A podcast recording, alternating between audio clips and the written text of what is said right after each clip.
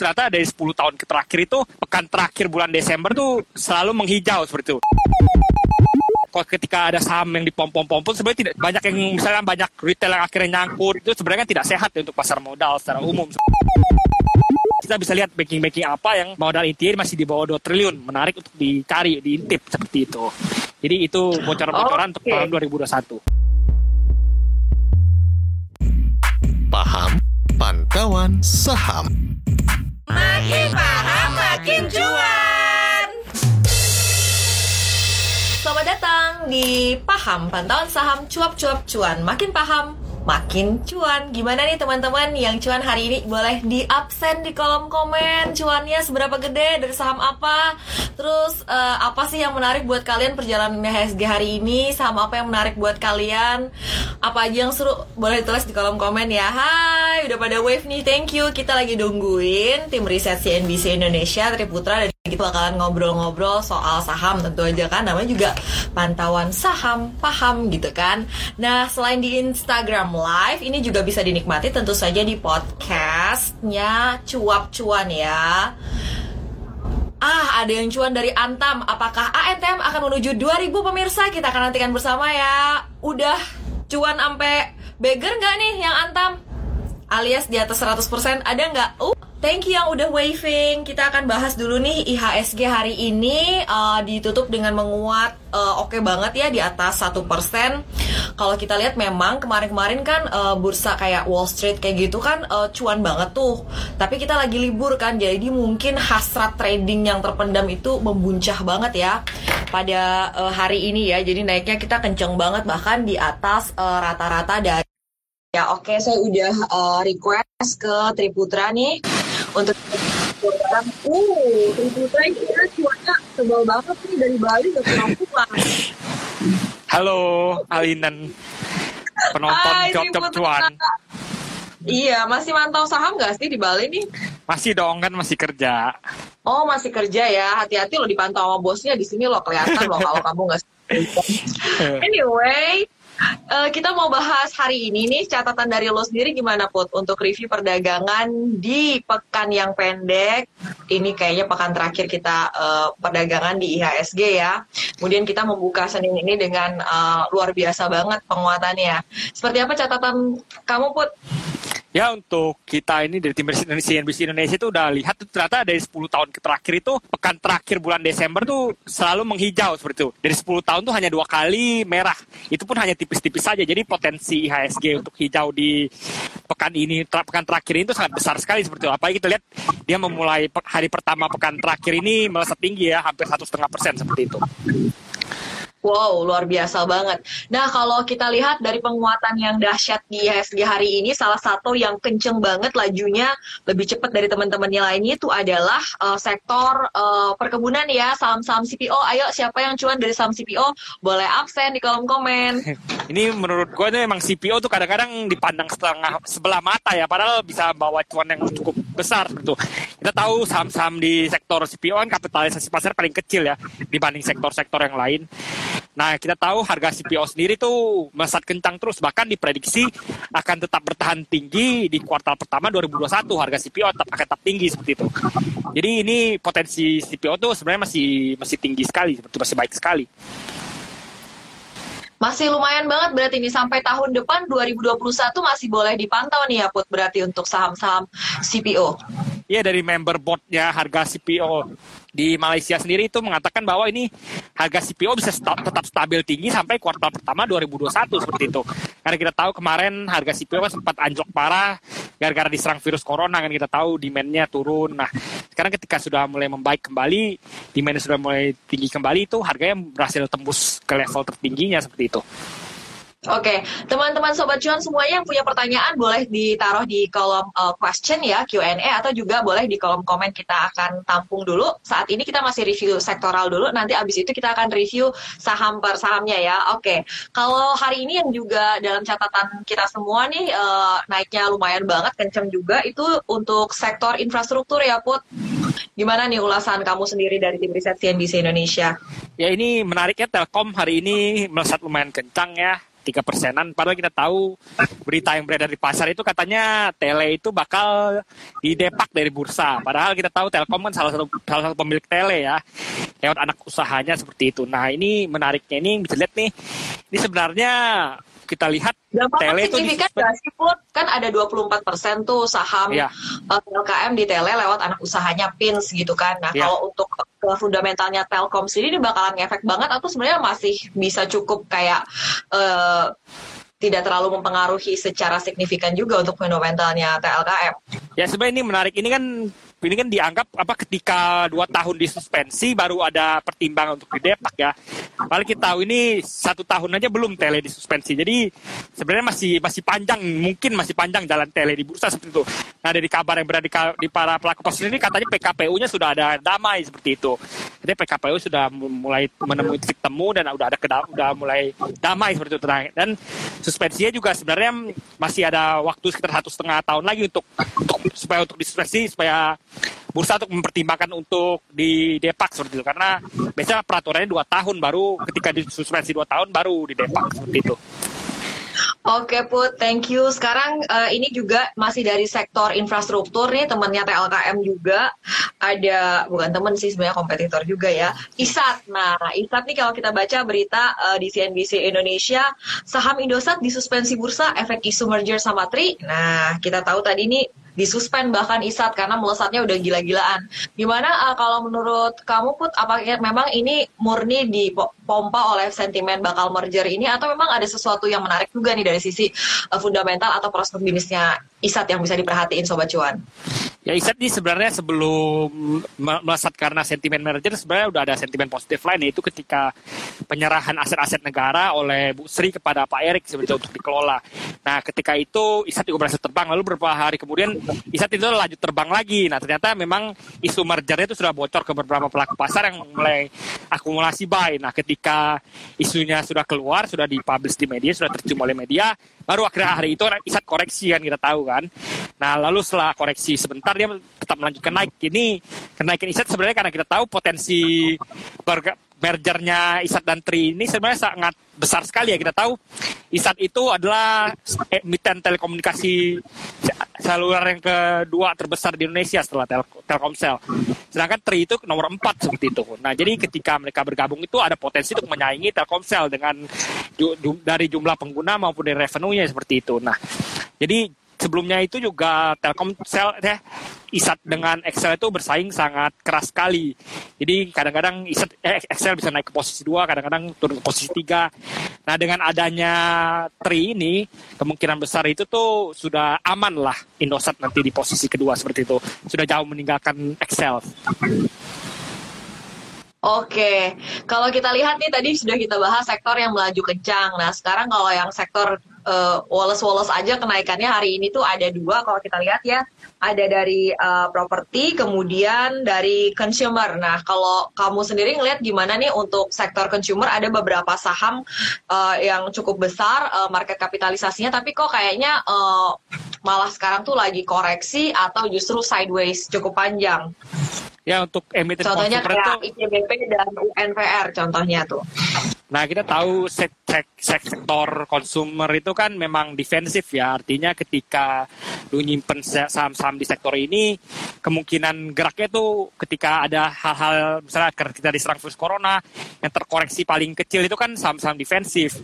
Nah, kebalikannya juga ketika ini kabar sentimen udah positif, vaksinnya katanya sudah efektif, sudah mulai akan produksi massal, maka saham-saham yang akan dibuang tentu saja saham-saham yang defensif ini. Jadi para pelaku pasar yang sebelumnya melarikan uang ke saham defensif mulai menarik dananya dari saham-saham yang defensif itu dipindahkan ke sektor-sektor yang yang memang siklikal seperti banking dan sebagainya. Nah, kita tahu ini memang asing ini beberapa hari terakhir, beberapa minggu terakhir ini memang udah buang-buangin terus ya saham-saham di sektor consumer tuh salah satu yang di net sell terbesar oleh asing. Jadi ya harganya Oke. terus tekan. Hmm. Kalau emang yang suka saham-saham begini berarti mungkin pikir-pikir dulu untuk mau masuk ya. Kemungkinan masih lanjut nih koreksi berarti ya Put. Ya untuk orang yang suka saham-saham defensif ini berarti emang yang toleransi resikonya rendah seperti itu. Jadi kalaupun koreksi ya nggak koreksi-koreksi banyak ketika apresiasi juga apresiasi nggak gitu banyak seperti itu. Jadi orang yang memang toleransi resikonya rendah yang suka koleksi saham consumer seperti itu. Nah, betul itu. Oke, sekarang kita sudah mau mulai nih bahas saham-saham yang sudah teman-teman sobat cuan semua tulis di kolom komen. Ada pertanyaan, silahkan drop your questions there di kolom komen dan juga bisa juga lewat uh, kolom Q&A ya. Kalau kolom Q&A kita bisa tampilin di layar aja, jadi yang lain bisa lihat aja pertanyaannya gitu ya. Oke, yang pertama dulu dari Pau 4545 nanya soal saham Antam. Uhuy, Antam hari ini penutupannya ciamik ya di level psikologis 2000. Gimana nih? Ya, Antam ini emang masih sebenarnya jangka panjang masih menarik karena dari saya udah lama mengatakan bahwa ini ketika antam sentimen EV baterai ini jalan lancar maka kemungkinan besar kinerja keuangannya secara kuartalan akan akan hijau terus gitu, akan konsisten menghijau. Sebelumnya kita tahu saham-saham seperti anak usaha main ID seperti Antam, Inco dan lain-lainnya itu ketika bulanan itu biasanya ketika kuartalan itu biasanya ada merugi walaupun tahunannya berhasil untung. Tapi kuartalnya merugi. Nah ketika satu saham kadang-kadang kuartalnya merugi gara-gara misalnya komunitas anjlok atau dan sebagainya maka investor asing dan manajer investasi itu tidak begitu tertarik untuk menyimpannya seperti tidak, tidak begitu tertarik koleksi. Nah dengan ada sentimen EV baterai ini dikatakan bahwa kemungkinan ke depannya ini saham Antam ini akan berhasil akan bisa konsisten hijau setiap kuartalnya. Jadi seperti banking-banking yang menjadi primadona asing dan MI itu bisa hijau. Nah, jadi mulai dikoleksi oleh asing dan MI seperti itu di saham-saham Antam. Jadi beberapa pekan terakhir ini memang sahamnya melesat kencang mulu seperti itu. Jadi untuk jangka panjang sebenarnya masih menarik. Apalagi kita tahu nih okay. potensi baterai listrik ini masih sangat besar ya. Kita tahu baterai listrik itu menjadi 50% dari komponennya TIOGS 50% dari mobil listrik yang di mana ini dikatakan akan adalah mobil masa depan seperti itu. Jadi potensi ke depannya masih sangat baik. Oke, uh, ini udah ada yang nanya juga yang sejenis dulu saya tampung ya dari Dick LVX. Tins gimana Tins? Ya Tins seperti kurang lebih ya sama seperti Antam ya seperti saya katakan tadi kan memang salah satu produk utama unggulannya kan nikel kan kita tahu ya. Memang sama dengan Antam di, udah mulai dikoleksi oleh asing ketika sebelum-sebelumnya itu secara kuartalan kurang menarik untuk dikoleksi karena biasanya suka merah, suka merugi secara kuartalan. Tapi dengan adanya sentimen EV baterai ini dikatakan Antam Inco dan Tips ini akan memegang peranan penting dalam holding EV baterai ini. Jadi masih menarik untuk dikoleksi dalam jangka panjang itu. Masih menarik dikoleksi. Oke, ini ada yang salah fokus nih. Boleh juga sih salah fokusnya seru juga nih. Dari uh, Ena underscore Gun RH88 ganteng kokonya ih dibilang ganteng nah, ini efek Bali apa karena pakai masker nih jadi dibilang ganteng boleh dibuka tetap protokol kesehatan jangan buka masker di tempat umum. Oh, gitu. protokol kesehatan. Jadi Sri Putra ini pemalu pemirsa, jadi dia nggak mau kelihatan wajahnya ya. Oke, kita jawab nih dari John Bosco 69. Ini nanyanya di kolom question ya. Jadi kita bisa lihat sama-sama. Kelihatan nggak sih, Put? Coba. Kelihatan, Udah aku masuk PTBA besok ke depannya gimana, Bro? Bro, PTBA gimana? Ini PTBA masih menariknya kemarin kan sempat tembus 3000 ya. Nah jadi biasa kita lihat ini ketika, tapi jika dibandingkan dengan emiten-emiten batu bara lain, biasanya gerak PTBA itu tidak ugal-ugalan. PTBA itu karena kita tahu konsumer klien utamanya itu PLN, jadi mereka menggunakan HBA harga batu bara acuan yang memang geraknya setiap bulan itu. Jadi ketika harga batu bara global naik ya harga PTBA naiknya so-so saja seperti itu. Jadi kalau memang mau cari aman, kalau mau invest di sektor batu bara, mau trading sektor batu bara yang mau merasa aman seperti itu ya baiknya PTBA. Tapi kalau ingin capital gain cepat itu ya lebih baik di India atau duit yang emang secara historis itu itu market makernya memang suka menggerakkan secara ugal-ugalan seperti itu. Tapi kuselnya memang ingin aman, ingin terima dividen tiap tahun, pas baiknya di PTBA seperti itu. Nah gitu ya, berarti untuk mereka yang mungkin nggak punya banyak waktu ya Put ya, kayak taruh aja terus ditinggalin investasi kayak gitu bisa masuk ke ini ya untuk emiten call ya berarti ya. ya. Kalau kalau memang bukan niat bentuk swing ya karena kalau swing ya menariknya yang capital gainnya cepat seperti seperti ini tapi kalau PTBA ya emang tipenya geraknya agak lambat dibandingkan dengan peers company-nya seperti itu. Oke, tadi ada yang nanya soal Inco, tapi sebenarnya udah kita bahas tadi ya barengan sama Antam dan Tins juga masih cukup prospektif berarti ya Put intinya ya tadi ya. Iya, ketiga itu masih cukup prospektif jangka panjang seperti itu. Nanti akan dibuktikan oh. dari bagaimana mereka bisa holding EV baterai ini meningkatkan kinerja mereka seperti apa seperti itu. Oke, tadi sudah dari kolom Q&A, sekarang kita jawab dari kolom komen nih. Ada yang nanya, Bris ngeri abis dari Ihsan at Ihsan underscore KML. Kalau menurut lu emang ngeri nggak sih bro nih, Bris bro? Sebenarnya bris ini melesatnya udah terlalu kencang ya kita kita kan tahu harga wajarnya ketika merger lalu itu harganya sekitar 700 800-an ya. Nah, kita lihat ini harganya sekarang udah 2000-an berarti ada ekspektasi para pelaku pasar yang tinggi terhadap saham ini ekspektasinya hampir 2000-an, 1500-an seperti itu. Nah, kita akan melihat nanti ketika sudah selesai merger, apakah benar ekspektasi ini memuaskan para pelaku pasar? Bagaimana kinerja keuangan Bank Syariah Indonesia ini setelah di merger seperti itu.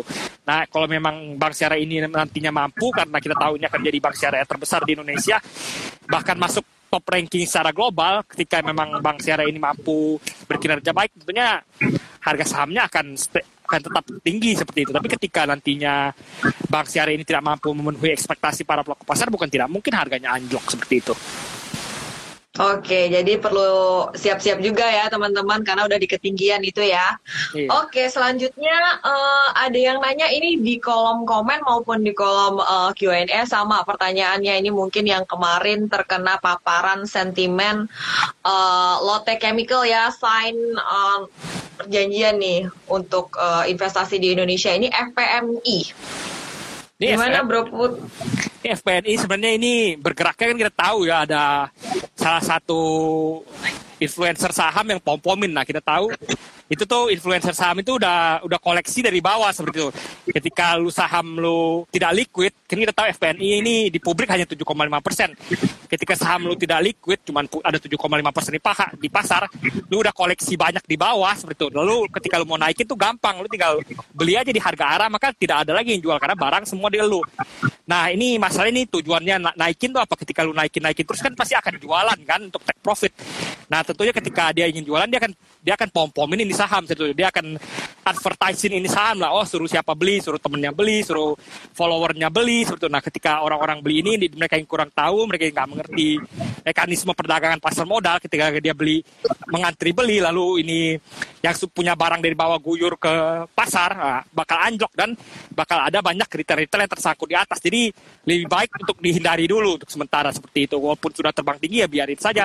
Biarin terbang tinggi nanti dia yang pusing mau jual ke mana seperti itu. Oke, ada Wanda Berisik. Thank you. Uh, Wanda Berisik udah join ya. Uh, Wanda Berisik ini ada kasih dua pertanyaan nih. Yang pertama terkait dengan uh, saham sektor kol kok anteng-anteng aja, Min. Satu. Lalu ada lagi kayaknya tadi ya Wanda Berisik satu lagi pertanyaannya apa? Sama TBLA. Oke. Silahkan dijawab dulu untuk sektor kol dulu kali. Anteng-anteng ya. aja katanya. Ya, Benar sektor, sektor call hari ini yang melesat ya salah satunya yang, yang gede ya cukup tinggi ya bumi ya kita tahu sama anak usahanya BRMS maupun bukan call. Nah kita lihat ini batu bara ini memang sudah 10 pekan terakhir melesat kencang. Jadi ada cooling down dulu seperti itu untuk harga saham batu bara. Hari ini walaupun bisa hijau, rata-rata bisa hijau tapi hijaunya nggak segede dulu-dulu. Kemarin-kemarin kita tahu ketika kalau ini melesat kencang ini harga batu bara juga melesat tinggi ya seperti itu. Nah, kita lihat ini sekarang ini tuh banyak harga batu bara yang memang udah beberapa tuh harga saham batu mulai 1S dulu seperti itu. Nah, kita akan lihat ini bagaimana batu baranya, Newcastle batu bara Newcastle-nya. Kalau batu bara Newcastle sekarang di angka sekitar 85 ya, 84 85. Ketika nantinya batu bara Newcastle lanjut naik apalagi diprediksi bisa sampai ke level 100 US per ton, ini saham-saham batu bara lah akan lanjut rally lagi seperti itu. Oke, ini banyak banget yang nanya satu saham ini tadi uh, selain oh TBLA dulu dijawab hari ini TBLA uh, eh, naik kencang juga nih. Ya, salah TBLA, satunya tadi kita salah udah satunya udah bahas ya, karena sektor CPO ya kita tahu CPO seperti tadi sudah bahas itu memang lagi menjadi primadona ya karena dikatakan oleh bot CPO dari Malaysia ini ini harga CPO ini akan bertahan tinggi paling tidak sampai kuartal pertama tahun 2021. Jadi sampai kuartal pertama tahun 2021 saham-saham sektor CPO sebenarnya karena harga CPO-nya sudah mulai bangkit dari pasca diserang corona seperti itu. Oke, sekarang ini juga mungkin ada yang uh, ada efek uh, influencer juga nih, ada yang nanya WSBP nih. Uh, Susanto, Gimana? Ya sebenarnya sama ya. Kita tahu ketika alasan lu pom-pom saham itu apa sebenarnya pertanyaannya. Kalau misalnya lu pengen saham naik, tentunya kan lu Gitu, biasanya lu udah beli dulu dari bawah seperti itu. Nah, jadi ketika lu beli dari bawah lu pom-pom dia naik, ada orang beli ya berarti orang itu nampung saham lu seperti itu. Supaya ada yang nampung lah istilahnya seperti itu. Jadi ya sebenarnya ketika ada saham yang dipom-pom-pom sebenarnya tidak tidak tidak bisa menyehatkan Pak ya apa? Banyak yang misalnya banyak retail yang akhirnya nyangkut itu sebenarnya kan tidak sehat ya untuk pasar modal secara umum seperti itu. Jadi memang kurang kurang apa? Tidak, jangan masuk dulu seperti itu da- dalam jangka pendek. Saham-saham yang lain yang berpotensi untuk naik banyak kan masih banyak seperti itu. Saham-saham lain yang Masih banyak ya, naik masih meskipun banyak. kita udah melaju kenceng ya. Iya, sebenarnya se- sektor apa saham-saham lain tuh masih banyak yang potensial. Nggak harus beli saham yang dipom-pom seperti itu. Oke, ini yang hari ini pergerakannya juga sangat meyakinkan bahkan sampai ke penutupan. Ini ada eh, emiten retail Era ya. Ini yang nanya Chelsea Livico. Era gimana besok? Masih uptrend nggak? ya era itu sebenarnya ketika ini kita kita tahu ini sudah sentimennya itu di mana stimulus fiskal AS itu sudah goal ya. Nah era ini diuntungkan kenapa? Karena era itu mendapatkan telepon-telepon ini kan se- sektor penjualan telepon, retail penjualan telepon. Dia kan dapatkannya dibeli dari US dollar dan dijual dalam bentuk rupiah. Nah ketika ini sentimen fiskal Amerika goal, maka jumlah dolar beredar akan meningkat. Ketika jumlah dolar beredar meningkat, nilainya akan turun tentunya. Nah ketika nilai dolar turun, maka kita tahu rupiah akan makin kuat. Nah jadi ketika saham-saham seperti era itu yang mendapatkan barang dari dengan menggunakan US dollar dan menjualnya dalam bentuk rupiah itu akan diuntungkan seperti itu. Jadi hari ini era berhasil meningkat karena halnya seperti itu. Oh ini sama yang kayak lu bahas waktu itu sebelumnya ya Put salah satu Iya, emiten yang ini salah satu emiten. berkah dari eh, apa ya potensi penguatan rupiah di masa datang. Iya. Oke, ini juga ada yang nanya nanyanya sampai dua kali berarti kepengen banget pertanyaannya dijawab nih Put. Kelihatan nggak di layar itu Q&A? Ini dari MEDC. Anom dari Anom Muda nanya Medco gimana prospeknya ke depan. Ini Iya. sebenarnya Medco masih masih menarik ya kita tahu Medco kemarin baru rak isu. Lalu sebentar lagi tahun tahun depan dikatakan akan IPO kan anak usahanya. Nah, kita tahu ketika supaya IPO-nya sukses tentu saja harga Medco ini juga harus baik seperti itu. Ketika harga Medco-nya rendah, ngapain dia apa ngapain investor beli saham-saham saham anak usaha yang mending beli Medco-nya aja seperti itu. Nah, jadi potensi Medco untuk ke depan tuh masih akan tinggi dan kita tahu ini harga batu bara sudah mulai bounce back juga seperti itu. Nah, ketika harga batu bara bounce eh, harga oil, harga oil udah mulai bounce back. Ketika harga oil bounce back yang akan ditentukan tentu saja Medco seperti itu. Oke, ini juga salah satu saham yang banyak eh, ditanyain nih ya, saham friend. ya.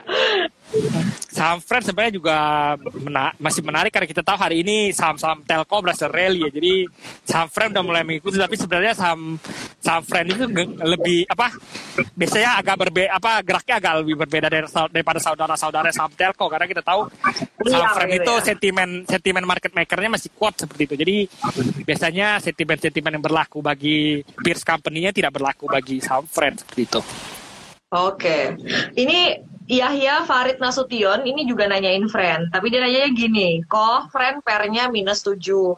Apakah benar-benar mimpi buruk nih, kagak naik-naik kak, katanya. Ya sebenarnya kita lihat ba- banyak yang menganggap nih friend banyak meragukan lah GCG-nya friend ini seperti apa seperti itu. Nah kita tahu ketika perusahaan rugi rugi rugi maka akan menggerus BV-nya, akan menggerus book value-nya. Jadi harganya ada potensi semakin turun ketika terus menerus merugi seperti itu. Jadi ada baiknya ketika melihat saham seperti itu dicek dulu fundamentalnya sebelum melakukan pembelian seperti itu. Ketika memang ada perbaikan nanti di ke depannya maka baru boleh di apa diinvestasikan seperti itu. Kecuali kalau memang ingin trading saja maka lihat aja senti apa marketnya memang baik- sedang bagaimana kondisi friend apakah lagi naik atau lagi turun. Kalau memang ingin trading tapi kalau untuk berinvestasi lebih baik cek fundamentalnya dulu seperti itu. Oke, ini juga salah satu saham trending topik hari ini. Banyak yang nanya BBKP. Dari DNDI underscore Adipara nanya BBKP hari ini koreksi apakah wajar karena enam hari berturut-turut hijau? Dan juga ada pertanyaan dari Angga Setia Lesmana bagaimana prospek Bukopin setelah berubah menjadi KB Bukopin? Apakah akan berdampak signifikan? Oke bisa dilihat di layar. Ya, nah ini Bukopin BBKP itu menarik ya. Tahun ini tuh ada lima banking yang melesat paling kencang dari di 2020 ini. Salah satunya itu nomor kelimanya ya situ Bang Bukopin masih melesat cukup terbentang sampai ratusan persen. Nah kita lihat ini Bukopin ini sentimen positif tentu saja ya memang diakuisisi oleh Kukmin seperti itu. Tapi kita melihat nih sebenarnya masih ada masalah. Itu Bu Sowa katanya dikatakan akan menuntut akan mengambil kembali PSP-nya dari dari Kukmin, tapi ini dikatakan bisa jadi digagalkan oleh OJK seperti itu. Tapi memang masih ada salah satu yang menjadi potensi masalahnya itu. Tapi kalau kita lihat kalau itu kalau potensi pengambil alihan ulang oleh Bosowa gagal, sebenarnya potensi potensi buk, Bukopin di tangan Kukmin itu sangat bagus sekali. Karena kita tahu ketika di tangan Bosowa itu GCG-nya banyak yang meragukan seperti itu. Nah ketika di tangan Kukmin ini dikatakan GCG-nya akan membaik diharapkan akan baik karena kita tahu Kukmin adalah bank ter, salah satu bank terbesar di Korea Selatan ya. Apalagi dikatakan nanti 2021 dia akan mendatangkan BTS sebagai brand ambassadornya KB Kukmin Bukopin seperti itu. Jadi untuk ke depannya ketika GTG membaik, lalu ada usaha dari pemegang saham pengendali untuk kembali meningkatkan kualitas perseroan, maka sahamnya pasti akan ikut melesat seperti itu. Jadi potensinya masih ada.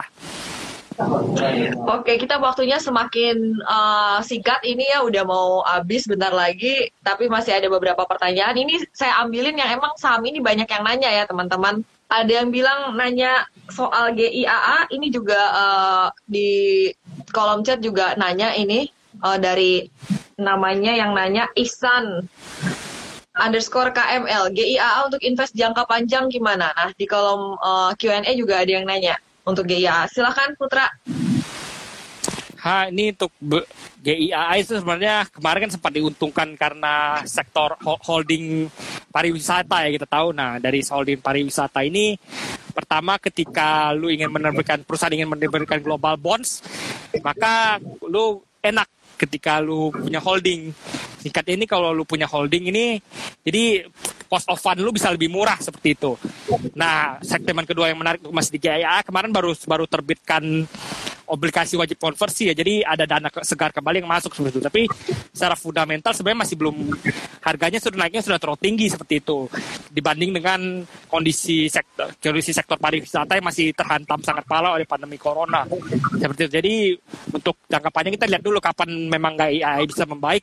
Ketika sektor pariwisata membaik kita lihat dulu kapan sektor pariwisata bisa membaik baru ada potensi untuk berinvestasi di GIA seperti itu. Oke nih ada yang nanya, kayaknya pengen banget sahamnya dia yang dia tanyain dibahas ya sampai di nanya di Q&A dan juga nanya di kolom komen. Baiklah, your wish is granted ya. Uh, Oke, okay, dari JJ underscore Gen 07. Kok bagaimana dengan prospek saham Sido? Gimana ya, nih? Sido ya seperti seperti saya katakan tadi ya sama seperti sektor-sektor konsumer lainnya walaupun kita tahu Sido ada main ke sektor farmasi juga. Tapi pada umumnya itu Sido kan secara umumnya itu masuk ke sektor konsumer. Di mana ketika saham-saham siklikal udah mulai melesat tinggi, para investor melarikan dananya dari saham-saham konsumer yang defensif ke saham-saham siklikal seperti itu. Oke, okay. Put kita udah mau habis banget waktunya boleh di uh, ada pertanyaan nih dari anchor kita sekaligus juga ini perlu juga buat kita review ya karena kita kan udah di pekan terakhir uh, perdagangan ya. Uh, kalau menurut lo meskipun kita di tengah pandemi itu IHSG secara overall gimana sih kalau catatan dari seorang Priputra? Ya kalau untuk catatan dari tim riset Indonesia sendiri itu kita lihat walaupun di tengah pandemi itu IHSG masih kuat ya kita tahu masih masih bisa berada di rentang di atas 6 ribuan seperti itu pada perdagangan hari masih bisa dan nantinya ditutup juga ada kemungkinan untuk ditutup di atas 6 ribu sangat kuat sekali ditutupnya. Jadi sebenarnya IHSG ini sangat kuat walaupun diserang corona seperti itu.